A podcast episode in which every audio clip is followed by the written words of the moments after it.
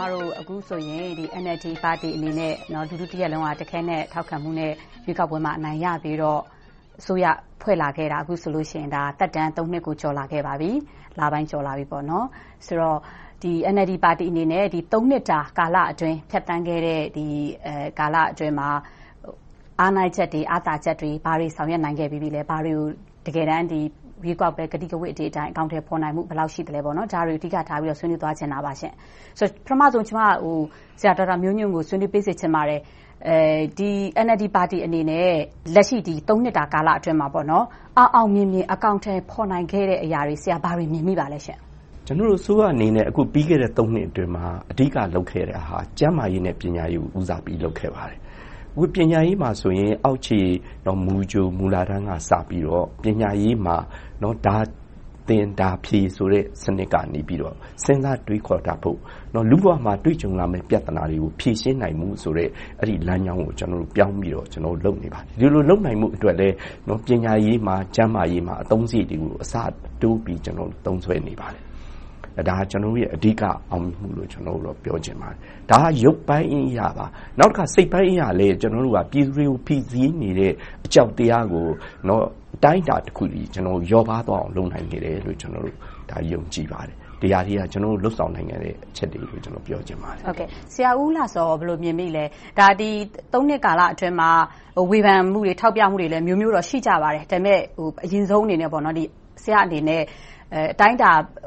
တခုအထိအောင်အောင်မြင်မြင်ဆောင်ရွက်နိုင်ခဲ့တာတချို့ကောမြင်မိပါလား။ပထမဦးဆုံးပြောချင်တာကတော့ကျနော်တို့ကအကုန်လုံးနွေးနွေးထွေးထွေးနဲ့ချစ်ချစ်ခင်ခင်နဲ့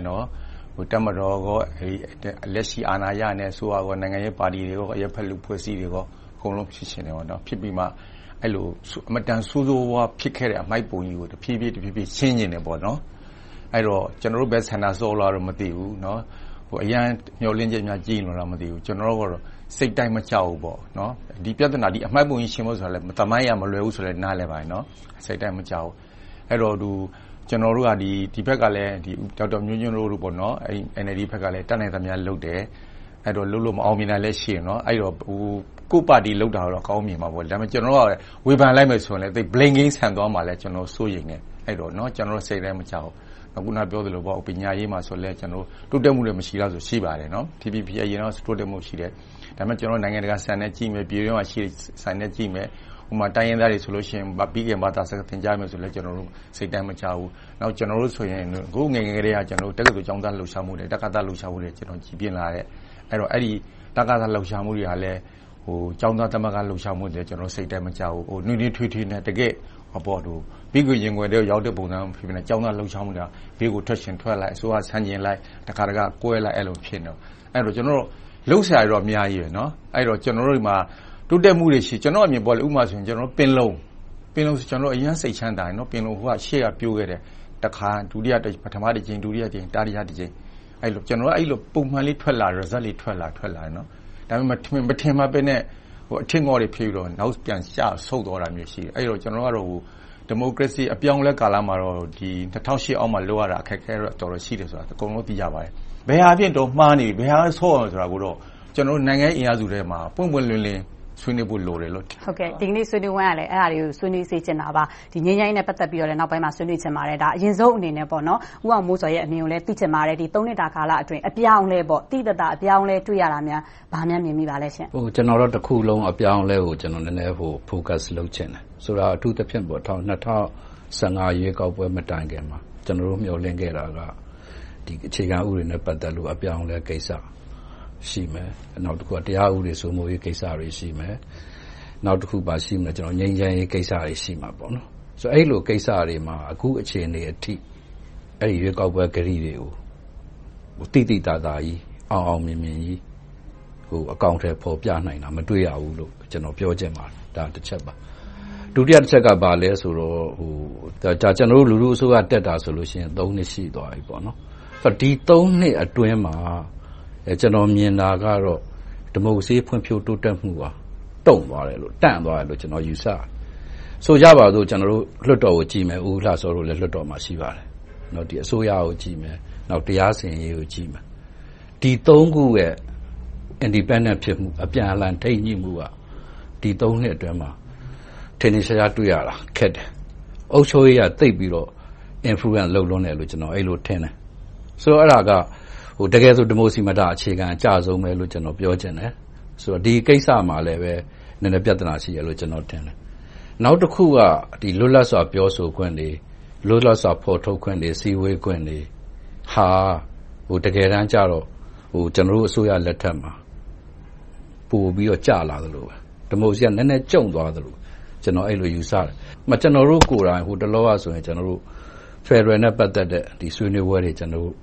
တို့ပါတီတွင်းမှာလည်း လေ့လာချင်တာပါတယ်။နောက်တခုက ကျနော်တို့ လေ့လာထားတာတွေကိုလည်း တခြားသူတွေကို မျှဝေချင်တာပါတယ်။တိုင်းပြည်ကလည်း ဖယ်ဒရယ်နိုင်ငံကို တည်ဆောက်မယ်လို့ ပြောနေတာ ဆိုတဲ့အခါကြတော့ အဲဒီလိုကိစ္စမျိုးတွေ ကျနော်တို့က လုပ်ချင်တော့ တချို့ပညာရှင်တွေကို ကျနော်တို့က ဖိတ်ပြီးတော့ ဆွေးနွေးပွဲလေးတွေလည်း လုပ်တယ်။ဒီကိစ္စက ကောင်းတဲ့ကိစ္စ လုပ်တာ။အဲဒီလိုမျိုးကိစ္စတောင်မှ လာပြီးတော့ တားတာဆီးတာ ရှိတယ် ဆိုတဲ့အခါကြတော့ နည်းနည်းတော့ စိတ်ထဲမှာကသိကအောက်ဖြစ်တယ်။ကျနော်အဓိကပြောချင်တာကတော့ဒေါက်တာမျိုးညွန့်တို့ပဲဖြစ်ဖြစ်၊ NLD ပဲဖြစ်ဖြစ်၊ကျနော်တို့အစိုးရပဲဖြစ်ဖြစ်ကြိုးစားပမ်းစားအကောင်အထည်ဖော်နေတာတွေရှိပါလိမ့်မယ်။အခုနဦးဦးလှစောပြောသလိုပဲလက်ရှိအခြေအနေကြီးအောက်မှာအစိုးရနှစ်ခုလိုဖြစ်နေတဲ့အခြေအနေကြီးအောက်မှာလုပ်ရကိုင်ရတာခက်ခဲတာတွေကိုကျနော်တို့နားလည်ပါတယ်။သို့သော်လဲရွေးကောက်ပွဲကတိတွေကတော့ကျနော်အခုအချိန်အထိပြည့်ပြည့်ဝဝအကောင်အထည်ဖော်တာကိုကျနော်တို့ သေသေချာချာမတွေ့ရသေးဘူးလို့ပြောချင်တယ်။နောက်ကနေ့အနေအထားမှာတိုင်းပြည်ရဲ့ဒီမိုကရေစီအနေအထား။နောက်တခုကလွတ်လပ်စွာထုတ်ဖော်ပြောဆိုခွင့်အနေအထားတွေကကျုံ့လာတယ်လို့ကျနော်ပြောချင်ပါတယ်။ဦးအောင်မိုးဇော်ထောက်ပြသလိုပဲရွေးကောက်ပွဲကတိကဝတ်တွေ NLD ရဲ့ရွေးကောက်ပွဲကတိကဝတ်တွေအဓိကတိုင်းရင်းသားအရေး၊ငြိမ်းချမ်းရေး၊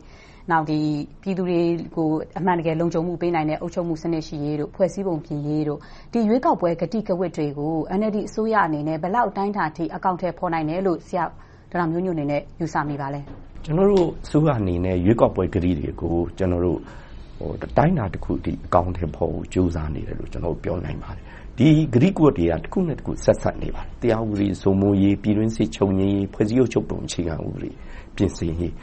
အပြင်ဒီသုံးချက်လုံးကလည်းဖွဲ့စည်းအုပ်ချုပ်ပုံအခြေခံဥပဒေပြင်ဆင်ရေးမှာတနည်းအားဖြင့်ပြန်ပြီးအခြေခံနေပါတယ်အဲ့တော့ကျွန်တော်တို့အခုဖွဲ့စည်းအုပ်ချုပ်ပုံအခြေခံဥပဒေပြင်ဆင်ရေးကိုကျွန်တော်တို့လှုပ်လိုက်ပြီးလှုပ်လိုက်တာနဲ့တပြိုင်နက်ဒီပြင်ဆင်ရေးအတွက်နော်ဟန်တာတာနှောက်ယှက်တာနော်အာယုံပြောင်းအောင်လုပ်တာတွေဘလောက်ပေါ်လာလဲဆိုတာပြည်သူတွေတွေ့နိုင်ပါတယ်အဲ့တော့ကျွန်တော်ဖွဲ့စည်းပုံအခြေခံဥပဒေပြင်ဆင်ရေးအောင်မြင်ပြီဆိုရင်ပြည်တွင်းငြိမ်းချမ်းရေးရလဲကျွန်တော်အောင်မြင်သွားမှာပါ ကြမ်းပြောရင်ကျွန်တော်တို့တိုင်းသားတွေလိုချင်တဲ့ကိုပြည်နယ်မှာနော်ကိုပိုင်အုပ်ချုပ်ခွင့်ကိုပိုင်ပြဋ္ဌာန်းခွင့်ဒီပြင်ဆင်ရေးမှာတခါတည်းပါသွားမှာပါ နော်အဲ့ဒါနဲ့အတူကျွန်တော်တို့ဒီပြည်တွင်းမှာဖြစ်နေတဲ့ပြိပက္ခတွေမှာအစိုးရဟာနော်အစိုးရနှစ်ရလူဖြစ်နေတဲ့အထူးဖြင့်လုံယုံရေးနဲ့ပတ်သက်ရင်တမတော်ဟာနော်ဘယ်သူကမှအခွင့်အမိန့်တောင်းเสียမလို့ပဲလွတ်လပ်စွာစီမံခန့်ခွဲဆောင်ရွက်ပိုင်ခွင့်ရှိနေတဲ့အနေအထားကနေပြီးတော့နော်တာဝန်ယူတဲ့အစိုးရတရက်ကပဲအကုန်လုံးလည်းလုံမဲ့အကုန်လုံးလည်းတာဝန်ခံလာတဲ့အချိန်တွေမှာနော်ဒီပြည်တွင်းငြိမ်းချမ်းရေးမှာလည်းရှိဖို့အများကြီးရောက်လာနိုင်ပါတယ်နောက်တစ်ခါကျွန်တော်တို့တရားဥပဒေစိုးမိုးရေးကျွန်တော်တရား ားဥပဒေစိုးမိုးရေးမှာအခုအပရိလိုက်စားရေးမှာတော့ကျွန်တော်သိထားတဲ့ခြေလှမ်းတွေကျွန်တော်တို့ရှိနေပါတယ်သို့တော့ကျွန်တော်တို့ကမူအဖြစ်ချရုံနဲ့မပြီးပါဘူးဒီတရားဥပဒေစိုးမိုးရေးမှာအဓိကလုပ်ရမယ်နော် law enforcing နော် personal ပေါ့ဥပဒေကိုထိန်းသိမ်းလိုက်နာမယ်ရဲတို့တပ်တို့နော်ကျွန်တော် တရားရုံးဝန်ထမ်းတို့သူတို့ကကျွန်တော်တရားဥပဒေစိုးမိုးရေးမှာဘယ်လောက်လိုက်ပါနိုင်လဲဆိုတာလေဒီတရားဥပဒေစိုးမိုးရေးအောင်မြင်မှုမှာအရင်အရေးကြီးပါတယ်ကျွန်တော်တို့ဒီဖွဲ့စည်းပုံအခြေခံဥပဒေပြင်ဆင်ရေးနဲ့တကွတော့အားလုံးအောင်မြင်လာရင်ကျွန်တော်ဒီဥပဒေထိန်းသိမ်းကြပ်မတ်ဖို့ပါဝင်ရမယ်ပုံကူအားလုံးရဲ့သူတို့ရဲ့ mindset ပေါ့ခံယူချက်ပါပြောင်းသွားမှာပါ အဲ့ဒီဥပဒေထိန်းသိမ်းရေးမှာပါနေတဲ့ပုဂ္ဂိုလ်အားလုံးနောက်ဒီဟာနဲ့ဆက်နွယ်နေတဲ့ပြည်သူတွေကနေပြီးတရားဥပဒေစိုးမိုးရေးပေါ်မှာထားတဲ့သဘောထားအဲ့ဒါတွေပါပြောင်းလဲသွားတဲ့အချိန်မှာကျွန်တော်တို့တရားဥပဒေစိုးမိုးရေးတွေ၎င်းနော်ပြည်တွင်းငြိမ်းချမ်းရေးတွေ၎င်းအရှိန်ဟုန်နဲ့တက်လာမယ်လို့ကျွန်တော်ပြောချင်ပါတယ်အရေးကြီးတာကျွန်တော်လုံးဝမဲ့လမ်းစဉ်ကိုလမ်းစဉ်မပြောက်ပဲပန်းနိုင်အတိုင်း ဒီဇိုင်းမှတ်မှတ်လုပ်နေဖို့အရေးကြီးဆုံးလို့ကျွန်တော်ပြောချင်ပါတယ်ဟုတ်ကဲ့ NLD ပါတီအနေနဲ့ဒီဖွဲ့စည်းပုံပြင်ဆင်ရေးကိစ္စကိုလွှတ်တော်ထဲမှာစလုပ်လာနေတာတော့ကျွန်တော်တို့တွေ့ရပါတယ်ဒါပေမဲ့ဒီအစမှာကိုပဲဒီပြင်ရေးဆိုတဲ့အဆင့်မရောက်ခင်ဒီပြင်ဖို့အတွက်လေ့လာသုံးသပ်တဲ့ပူးပေါင်းကော်မတီဖွဲ့တဲ့အဆင့်မှာတော့မှဒါကန့်ကွက်မှုတွေကရှိတယ်ဆိုတော့ဒီဖွဲ့စည်းပုံပြင်ဆင်ရေးကောတကယ်တမ်းပြင်နိုင်ဖို့ဆိုတဲ့အခြေအနေမှာဘယ်လောက်ထိလက်တွေ့ကြပါသလဲဒါကိုတော့ကျွန်တော်ဦးလာစောဆွေးနွေးပေးစေချင်ပါတယ်တကယ်ပြင်ဆင်နိုင်ဖို့ လက်တွေ့ကျကျ အခြေအနေ ဘယ်လိုရှိပါလဲ။ကျနော် နားလည်တာ ဖွဲ့စည်းပုံပြင်ဆင်ရေးကတော့ အခုလွှတ်တော်ထဲမှာ NLD က လုပ်တဲ့လုပ်ရပ်ပေါ်မှာ ဝုန်းဆိုမတ်တပ်ရပ်တာ တပ်မတော်က။ NLD နဲ့ တပ်မတော်ကြားထဲမှာတော့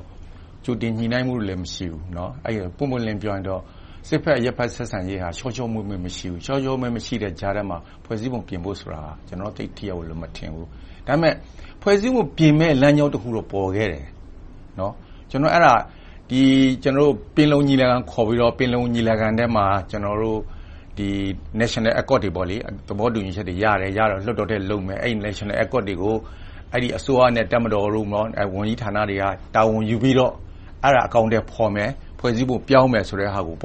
political framework ထဲမှာလည်း တာဝန်ခွဲပြီး ချပြီးပြီးသားလေ50တစ်ချက်လည်း ထွက်ပြီးသား အဲ့ဒီဟာကြီးကကားချောသလို ချောသွားတယ်နော်တကယ်တော့ abortion ဖြစ်သွားတယ် abortion ဖြစ်ပြီးတော့အကြမ်းမှာလွတ်တော်ထဲမှာ ပေါ်လာတယ် အဲ့ဒီဟာကြီးကို ကျွန်တော်တို့ မလုံနိုင်ဘူးဆိုတာ ဘာကြောင့်လဲ NCA ကြောင့်လား NCA မှာ အားနည်းချက်ကြောင့်လား အဲ့ဒီ လက်နက်ကင်ဖွဲ့စည်း EAO တွေရဲ့ကနည်းနည်းပြဿနာကြောင့်လား ဒါမှမဟုတ်တက်မတော်ကဟိုပြဿနာကြောင့်လား NLD ကပဲ နည်းနည်း capacity ညံ့လို့လားတိုက်နိုင်ငံရေးပါတီတွေကပဲ ညံ့လို့လားဆိုအဖြစ်မချနိုင်ဘူးမချနိုင်ဘူးနဲ့ အဲ့ဒီဟာဇမျောကြီး ဖြစ်တဲ့ခါကြမှာအဲ့ဒီဖွဲ့စည်းပုံပြင်ဆိုတက်လာဖွဲ့စည်းပုံပြင်တက်လာရင်တော့အဲ့ဒီဟိုပုံမှန်အခန်း7နှစ်436မှာထင့်မှာပဲ အဲ့တော့ ဒါတွေကို ကျနော်တို့ ဘယ်လိုဖြေရှင်းမလဲ။အဲ့တော့ ကျနော်ကတော့ ဒီဖွဲ့စည်းပုံပြင်ဆင်ရေးဆိုတာ အကုန်လုံးပါဝင်တဲ့ All Inclusive ဆိုတာ EAO လည်းပါသေးတယ်။နိုင်ငံရေးအဖွဲ့အစည်းလည်းပါမယ်။နိုင်ငံရေးပါတီလည်းပါမယ်။အာဏာရတဲ့ NLD လည်းပါမယ်။တပ်မတော်လည်းပါမယ်။အဲဒီ ဝိုင်းဝန်းပြီးလုပ်မှ ဖွဲ့စည်းပုံပြင်လို့ရမယ်ထင်တယ်။အဲဒီလိုမဟုတ်ဘဲ လွှတ်တော်ထဲမှာဆိုရင် လွှတ်တော်ထဲမှာ အဲဒီလိုလုပ်ရင်တော့ Civil-Military Relation မကောင်းတဲ့အတွက်ကြောင့် တယောက်က ဆိုရင် နောက်တယောက်က ဖြစ်နေလိမ့်မယ် ပို့ပြီးတော့ ဆက်ဆံရေးဆိုးပြီးတော့ အကုန်လုံးကျွန်တော်လူမှုစီးပွားတွေကိုမှကြရက်ရလိမ့်မယ် အဲ့တော့ တိုင်းနဲ့ပြည်နယ်တွေမှာလည်း အထူးသဖြင့်အဲ့ဒီတိုင်းသားဒေသတွေမှာဆိုလဲကရှင်မှာတော့၎င်း ကရင်မှာတော့၎င်း ရှမ်းမှာတော့၎င်း ရခိုင်မှာတော့၎င်းအဲ့လက်နက်ကပုံကံမှုတွေက ရေရှည်မြင့်လာလိမ့်မယ် အဲ့လိုဆိုရင် ကျွန်တော်တို့ NLD ကဘလောက်ပဲ ကြိုးစားတိဆောက်တိဆောက်သုံးနှစ် မပြောဘဲနဲ့ နောက် နှစ်တိဆောက်လဲကျွန်တော်တိုင်းပြည်တွေကောင်းမဲ့အလားအလာ မမြင်ဘူး ပို့ပြီးတော့ လက်တွေ့ကြတဲ့နီလန်တကယ်တော့ ရှိတယ်ဆိုတာမျိုး ဆရာထောက်ပြတယ်လို့ယူဆပါတယ်အဲဦးအောင်မိုးစောဘယ်လိုမြင်မိလဲလက်ရှိသွားနေတဲ့ရွေးကောက်ပွဲဒီဂတိကဝတ်အတိုင်းပေါ့နော်ဒီဖွဲ့စည်းပုံပြင်မှုဆောင်ရွက်တဲ့နေရာမှာလှုပ်ထုံးလုံဒီမြန်မှားနေသလားကျွန်တော်ထင်ပါတယ်ဟိုဟာဖွဲ့စည်းပုံကိစ္စကတော့အကုန်လုံးလုပ်ရမယ့်ကိစ္စလွှတ်တော်အတွင်းလွှတ်တော်ပနှီးပေါင်းစုံနဲ့လုပ်ရမယ့်ကိစ္စလို့ကျွန်တော်မြင်ပါတယ်လွှတ်တော်တွင်းမှာကနေစူးစမ်းတဲ့စူးစမ်းမှုကတော့လွှတ်တော်ထဲမှာရှိတဲ့လွှတ်တော်ကိုယ်စားလှယ်တွေပေါ့အထူးသဖြင့်တော့ NLD ရှိမယ် USDP ရှိမယ်တပ်မတော်ကိုယ်စားလှယ်တွေရှိမယ် ဒီလူတွေကဘယ်လောက်ထိညှိနှိုင်းနိုင်မလဲဆိုတဲ့အပေါ်မှာအပြောင်းလဲကနည်းလည်းနည်းမယ်များလည်းများမယ်ကျွန်တော်တို့လိုချင်တော့လည်းရရမှာရမယ်အဲ့ဒီတိုင်းသွားနိုင်လိမ့်မယ်လို့ကျွန်တော်ထင်တယ်သို့တော်လည်းပဲတကယ်တမ်းဟိုဒီမိုကရေစီအနှစ်သာရရှိတဲ့ Federal အနှစ်သာရရှိတဲ့တကယ်ဒီကျွန်တော်တို့အားလုံးလိုချင်တဲ့ constitution တစ်ခုဖြစ်ဖို့ကတော့ဘက်ဆုံးလုပ်ရလိမ့်မယ်လို့ထင်တယ်။နော်လွတ်တော်ရင်းရောလွတ်တော်ပါအကုန်လုပ်ရလိမ့်မယ်